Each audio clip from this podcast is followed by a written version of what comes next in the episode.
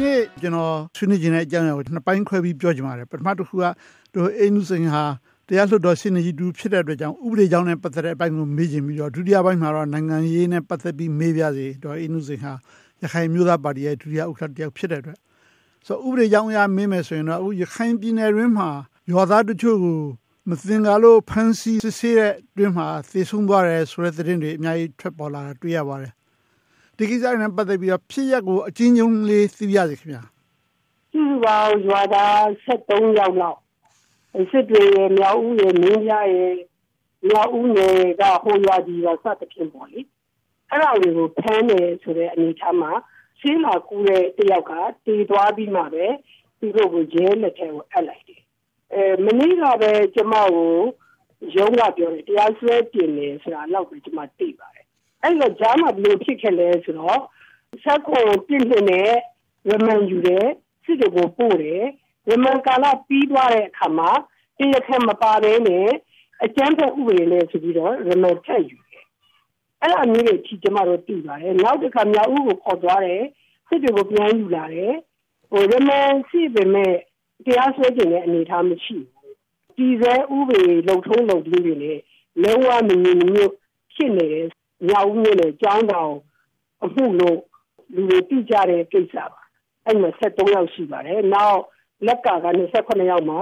3ယောက်ပြေဆုံးသွားတဲ့ကိစ္စရှိပါတယ်တတိယနေ့မှာလည်းပဲဟိုကျိုးဆဲချပြီးတော့တည်တယ်နှလုံးရောဂါနဲ့တည်တယ်နောက်တစ်ယောက်ဆိုရင်ဆေးပြတ်တဲ့တည်စသဖြင့်ပေါ့ဒီပေမဲ့ဂျူရာကအစတည်တယ်ဆိုတာကိုမိသားစုတွေကိုအတိပေးခဲ့လားဆိုတာမျိုးကိုနင်းနေတဲ့အခါမှာမပေးခဲ့ဘူးဆိုတဲ့အနေထားဒါတွေဟာတကယ်ကို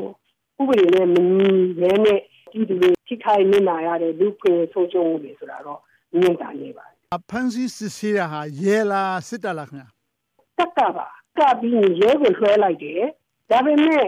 remand ရှိရပေါ့လေတရားစွဲတင်ရမယ်နေမှာအဲ့ဒီဥပဒေမဟုတ်တော့ဘူးနောက်ဥပဒေတစ်ခုနဲ့ထပ်ပြီးတော့အရေးယူတယ်နောက်ဒီအခါမှာပါတဲ့နဲ့ remand ယူတယ်ဆိုတာမျိုးတွေကစကျမတို့ကြုံတွေ့နေရပါတယ်စစ်တပ်က ကျူးလွန်တဲ့ပြစ်မှုတွေကိုအရက်ဖက်တရားရုံးကစီရင်ခွင့်ရှိပါသလားစစ်ဖက်ဆိုင်ရာတရားရုံးကပဲစီရင်ရမယ်လို့များပြဋ္ဌာန်းထားသလားလို့ပါဒါကတော့စစ်ဖက်မှာစစ်တပ်ကစစ်မှုထမ်းနေတဲ့လူတွေကျူးလွန်တဲ့အမှုကိုတော့စစ်ဖက်ရောနေဖက်ရောအရေးယူတာတွေတော့ရှိပါတယ်အခုကအရက်သားတွေနဲ့ဆက်ဆိုင်တာကိုတက်ကဖမ်းလိုက်ပြီးစုံစမ်းစစ်ဆေးကာလဆိုပြီးတော့ရဲလက်ထဲကိုအမှပဲရောက်တဲ့အနေထားပါ ရောက်ပြီဆိုရင်ဟိုဒီကူရမန်ယူထားတဲ့ဥပဒေနဲ့တရားစွဲတင်ရမယ်ဟိုတတ်မှတ်ထားတဲ့ရက်ပုံသွားရင်နောက်ဥပဒေတစ်ခုနဲ့ထည့်ယူလိုက်တယ်ဒါမျိုးတွေကတော့ကျွန်မအခုလက်ရှိလိုင်းနေတဲ့အမှု၃လေးမှုမှာတောင်မှကြုံတွေ့နေရတဲ့အနေအထားပါအခုဒေါ်အေးနုစိန်ပြောသွားတဲ့အတိုင်းဆိုလို့ရှိရင်ဒီအမှုတွေနဲ့ပတ်သက်ပြီးတော့ဒီဖြစ်ရပ်တွေနဲ့ပတ်သက်ပြီးတော့အမှန်တရားကိုဖော်ဆောင်နိုင်တဲ့တရားဥပဒေ အရာ justice ကိုဖော်ဆောင်နိုင်မဲ့အလားအလာစိတ်အားနဲ့နေတယ်လို့ကျွန်တော်သဘောပေါက်ပါတယ်ဟုတ်ပါသလားအဲ့ဒါဟာတကယ်ကိုမှန်ပါတယ်ဆရာအထူးသဖြင့်ဟိုမနေ့တနေ့ကတော့ကြောက်တန်းမှာဖြစ်သွားတဲ့ကိစ္စဆရာမနေ့ကစားပြီးတော့ဆယ်နာရီထိုးကလေးကပဲကျမစီကိုဖုန်းတွေနဲ့အမျိုးသမီးတွေရောအမျိုးသားတွေရောတဆန်းစားအကူတောင်းကြတယ်ဆရာဆရာမလေးလေးကြီးလေးမလေးပြင်းနေပြီအဲ့ဒီမှာသူကပေါ်လို့ညံပြီးတော့ဖုန်းသုံးလုံးနဲ့ဆက်ကြတယ်ဆရာကျမဟာလေဘေးကင်းပါစေ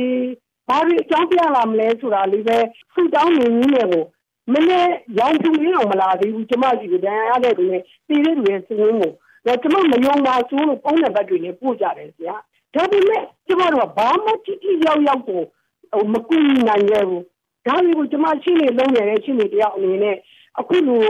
ပြည်သူတွေပိုရိထိခိုင်နေမှာမလို့ကြတော့ငါတို့တထားတဲ့ဥပဒေပညာငါတို့ယုံကြည်ကိုးစားတဲ့တရားဥပဒေဟာ ဒီအနေထားမှာဘာအရာရောက်လဲဆိုတော့မိခိုးမျိုးတွေနဲ့ကျမကိုကိုကိုအပြစ်မကင်းတယ်လို့ပဲကျမခံစားနေရတယ်။ဘသူတော့ပြောရမယ်ကိုမသိတော့ပဲအနေဒါဒါပေမဲ့ကျမအင်တာဗျူးတွေမှာဖြေပါတယ်။အဲဆီယမတို့ကအခု ANP ကနေပြီးတော့အဲ့ဒီတင်ပြတိုင်တိုင်းစာပို့တယ်သမဒရဲ့နိုင်ငံတော်အကြိုင်ကြီးခံရဲ့ဟို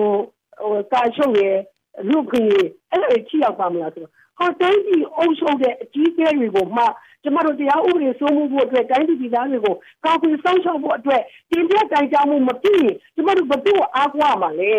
အဲ့လိုမျိုးလေကျမပြောမှုတယ်ဆရာကျမရဲ့တကယ်ကိုပြင်းရင်းခံစားချက်ပါဆိုတော့အဲ့ဒီမင်းမြန်တော့သေဆုံးသွားတဲ့ကိစ္စနဲ့ပတ်သက်လို့စစ်ဆေးမင်းမြန်ခဲ့တဲ့လူတွေဘက်က လူမှုရေးအဖြစ်စာနာမှုပြသတာ တောင်းပန်တာ ကျန်တဲ့ မိသားစုကို နှိမ့်သိမ့်ရော်ကြီးပေးတဲ့ ပုံစံမျိုးရှိပါသလားခင်ဗျာဒီလက်ကမှာ29ယောက် ဖမ်းပြီးတော့ခု3ယောက် ဆုံးသွားတာနဲ့ ပတ်သက်လို့တော့ ဘာတစ်ခုမှ မပြတဲ့အပြင်ဟိုရုပ်တိမတန်တဲ့ဟိုခရီးဆောင်တဲ့ အနေအထားတွေ ပြောတာပုံ၌ကဟို Facebook တွေမှာ ရေးကြတယ်လို့ပေါ့နော်ဟာတာဟိုနားထောင်နေရတယ်လို့ဆိုတာမျိုးတွေပါ ဆိုဒီဖြစ်ခဲ့တဲ့ကိစ္စတွေအလုံးဟာတကယ်တော့ရခိုင်ပြည်နယ်အတွင်းမှာအေးအေးနဲ့တိုက်ပွဲတွေဖြစ်လာပြီးနောက်ပိုင်းမှာပို့ပြီးတော့များလာတယ်ဆိုတော့သဘောတွေ့ရပါတယ်ဆိုတော့အဲ့ဒီအေးအေးနဲ့နိုင်ငံရေးနည်းနဲ့အဖြေရှာဖို့ဘလောက်အလားလာရှိနေပါလဲအခုပထမတစ်ချိန်မကြသေးခင်ကတွေ့ဆုံရတယ်ဆက်လက်ဆွေးနွေးမယ်ဆိုပြီးသဘောတူကြတယ်ဘာညာကြားလိုက်ရပါတယ်ဒီအတွက်တော့အင်းနုစိန်ဘယ်လိုမြင်ပါလဲခင်ဗျာအလားလားကို တစ်ဖက်ကငင်းချမ်းရတဲ့ထိတ်ခေါ်လိုက်တယ်တစ်ဖက်ကလည်းကန်ထဲတာကိုလက်ခံပြီးတော့သွားပြီးတော့ပြုစုဆွေးနွေးတယ်ဆိုကြတဲ့ကတစုံတရာအတိုင်းတာကြီးချောမှုတွေနဲ့ညှိနှိုင်းမှုတွေလုပ်ရင်တော့ငင်းချမ်းဆိုတာကြားကိုရနိုင်မဲ့အနေအထားတွေဆိုတာကျမတို့ယုံကြည်ပါတယ်ဒါကြောင့်လည်းပဲကျမတို့ကလက်နဲ့ချပါလက်နဲ့ဆွန့်ပါ NCA နဲ့ငင်းချမ်းရသွားကြပါဆိုတဲ့ဒီတော့ယောဂတင်းနေတဲ့အချိန်မှာ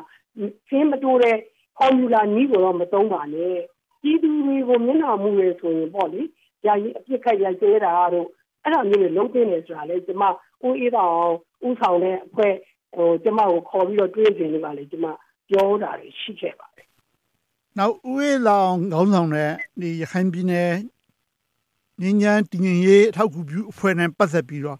ဘယ်လောက်မျှော်လင့်ချက်ထားနိုင်ပါလဲဒီအဖွဲ့ဟာတကယ်ပဲအထောက်အကူပြုနိုင်လိမ့်မယ်လို့ထင်ပါသလား ကျမကြည့်လိုက်တဲ့အနေထားတော့ပထမတနေ့ကမိတ်ဆွေစကားလေးပြောပြီးနေတယ်ကျွန်တော်တို့ကဘယ်လိုလုပ်ရမလဲအကြံပေးကြပါဆိုတော့ကျမတို့ကအဲ့ဒီနေ့မှာနားထောင်တဲ့အစ်စ်နဲ့ဟိုကျမတို့ဟိုဖြတ်တန်းခဲ့ပါတယ်နောက်တနေ့မှာပဲပြီးသားတွေ့ကျင်တယ်ဆိုတဲ့အတွက်ကျမနဲ့ဦးအောင်မြတ်ကျော်နဲ့သွားပြီးတော့တွေ့ပါတယ်အဲ့ဒီအချိန်မှာဦးအေးတော်အောင်ကရောဆရာဥဖေမြင့်ရော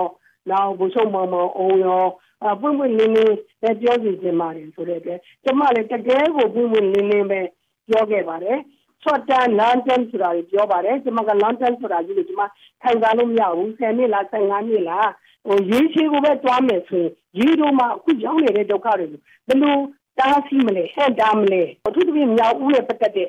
ထိခိုက်မှုနာမှုတွေပေါ့လေကမ္ဘာအမွေအနှစ်နဲ့ပတ်သက်နေတဲ့အနေအထားတွေ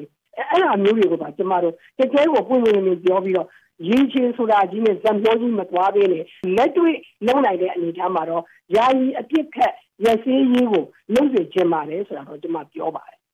ဆိုတော့သူတို့ဘက်ကတုံ့ပြန်မှုရောဘယ်လိုနေပါလဲသူတို့ဟာဒေါ်အင်းနုစိန်တို့ပြောတဲ့အတိုင်းလောလောဆယ်ရေရှည်တို့ထားလိုက်လက်တွေ့မှာအပြစ်ခတ်ရစည်းမှုဆွေးနွေးဖို့ဒါတွေဟာအရေးကြီးရဆိုတဲ့ကိစ္စကိုသူတို့ဆက်လက်တင်ပြလိမ့်မယ်လို့ထင်ပါလားထိရောက်လိမ့်မယ်လို့ယုံကြည်ပါလား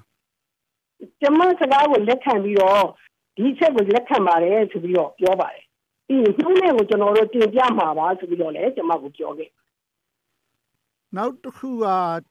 ဒီအဖွဲ့ကအသက်ဆိုင်ရာပြည်နယ်တွဲဆုံပြီးတော့အကြံပေးတင်ပြဖို့ပေါ့လေသူတို့အဓိကတာဝန်ကအဲ့လိုပဲရေးထားပါတယ်သူတို့ကိုယ်တိုင်ဆုံးဖြတ်ပိုင်ခွင့်ရှိတဲ့အဖွဲ့တော့မဟုတ်ဘူးပေါ့ဆိုတော့သက်ဆိုင်ရာဆိုတဲ့အဲမှာအေးတပ်ဖွဲ့နဲ့တော့တွေးသိနေလို့မထင်ဘူးလားသူတို့တွေးမယ်ထင်ပါလားတွေးဖို့ကစီစဉ်နေကြပါလားတွေးမဲ့ အစီအစဉ်တော့မပြောပါဘူးဆရာကျမကပဲတကယ်နဲ့ဒီလိုမတည်မီတဲ့ကိစ္စကိုဆောက်ရမယ်ဆိုရင်ဟိုဂျားခံအဖွဲ့အစည်းတစ်ခုကိုအမှန်တကယ်တုံးကျင်တယ်ဆောင်းလက်ကျင်တယ်ဆိုရင်လည်းဦးဤသာအောင်လို့နဲ့ကျမတို့နဲ့ဆိုရင်တပါးတွေဝါတွေအသက်တွေကွာဟတာပဲရှိတယ်နော်အခုအေးအေးမှရှိနေတဲ့ဘုချုပ်ထုံးမျက်နှာရတို့မြထွန်းအောင်တို့ကျော်ဟန်တို့ကအစပေါ့လေကျမတို့ရဲ့ဟိုငကိုကလေးက အဲ့တော့ရင်းဆက်ဆံမှုတွေနောက်နိုင်ငံသက်စာပဲဟောပြောပွဲတွေမှာတွေ့တာတွေအဲ့ဒါကိုစိတ်ကောင်းစေတနာကောင်းတဲ့တကယ်လူချင်းတဲ့ဤချက်မှုလူချင်းကျမတို့ဘာဖြစ်လို့ဆောင်ရွက်ဖို့မဖြစ်နိုင်ရတာလဲဆိုတာမျိုးတွေကဆိုကျမပုံမလို့ပြောပါတယ်ဥပမာအားဖြင့်ကျမတို့ကအများအားပြောနေကြတဲ့ကျမတို့ရဲ့ပါတီဗန္ဒာရေးမှုလေးဖြစ်တဲ့ရခိုင်ပြည်နယ်ပြည်တော်ဥက္ကဋ္ဌလေးဖြစ်တဲ့ဦးစံကျော်လှတို့လိုပုံကိုယ်တွေဘာဖြစ်လို့ဂျားခံအဖွဲ့အဖြစ်သုံးလို့မရမှာလဲ အဲအဲ့လိုမျိုးဟာတကယ်လည်းအလုပ်တွင်အောင်အလုပ်ဖြစ်အောင်စေတနာတန်တန်နဲ့လုပ်ရင်တော့ကျမတို့ရဲ့အကျွေးတစ်ခုခုကိုတော့မြင်နိုင်တယ်ဆိုတာမျိုးလဲကျမတို့ပွင့်ပွင့်လင်းလင်းပြောပါတယ် ANP ဒေါ်အင်းနုစိန်တို့ပါတီကလည်းပဲဒီကိစ္စအတွက်ဆောင်ရွက်နေတယ်စုံစမ်းနေဆိုကြားပါတယ်ဆိုကြပါစို့သူတို့ရဲ့သဘောတူခွင့်ပြုချက်မရဘဲနဲ့စီဂျာကို initiative နဲ့ကိုစပြီးတော့အေးအဖွဲ့နဲ့တွေ့ရဆိုရင်တော့သူတို့ကတရားဥပဒေအရဆက်ခုနှစ်တစ်တွေပါနဲ့အရေးယူနိုင်တဲ့အခြေအနေရှိပါလား ရှိပါပေါ့ဗျာကျမတို့ ENP ပါတီကကျမတို့ရဲ့သဘောအရသွားပြနေဆိုချက်ချင်းကြီးအရေးယူမှာပေါ့တော်ရရှိမြခင်ရခိုင်ပြည်နယ်ကိုတကယ်အေဂျင့်တည်ငြိမ်စေခြင်းနဲ့ဆိုရင်စစ်ပြိုင်တိုက်ခိုက်နေတဲ့ဘက်နှစ်ဘက်ရဲ့သဘောထားတူညီဖို့အဓိကကြပါလိမ့်မယ်ဆိုတော့ဒီညမှာတစ်ဖက်ရဲ့သဘောထားကိုမသိရဘဲနဲ့အဲ့ဒီဘက်နဲ့တွဲဆုံမင်းမြန်းခွင့်မရှိဘဲနဲ့တာမန်ပြည်သူတွေစောင့်ကြည့်နေသူတွေရဲ့သဘောထားလောက်နိုင်တော့တ ရားဥပဒေကင်းမဲ့ပြီးစစ်လင်းဖြစ်နေတဲ့ရခိုင်ပြည်နယ်အေဂျင့်တည်ငြိမ်ရေးလမ်းစာတွေ့နိုင်ပါမလားဆိုတာအလွန်ပဲတန်တရားရှိစရာဖြစ်နေတယ်လို့ပြောကြရင်ဂရုဘအစီအစဉ်ကိုဒီမှာနေနေကုန်းချလိုက်ပါစီခင်ဗျာကျေးဇူးတင်ပါတယ်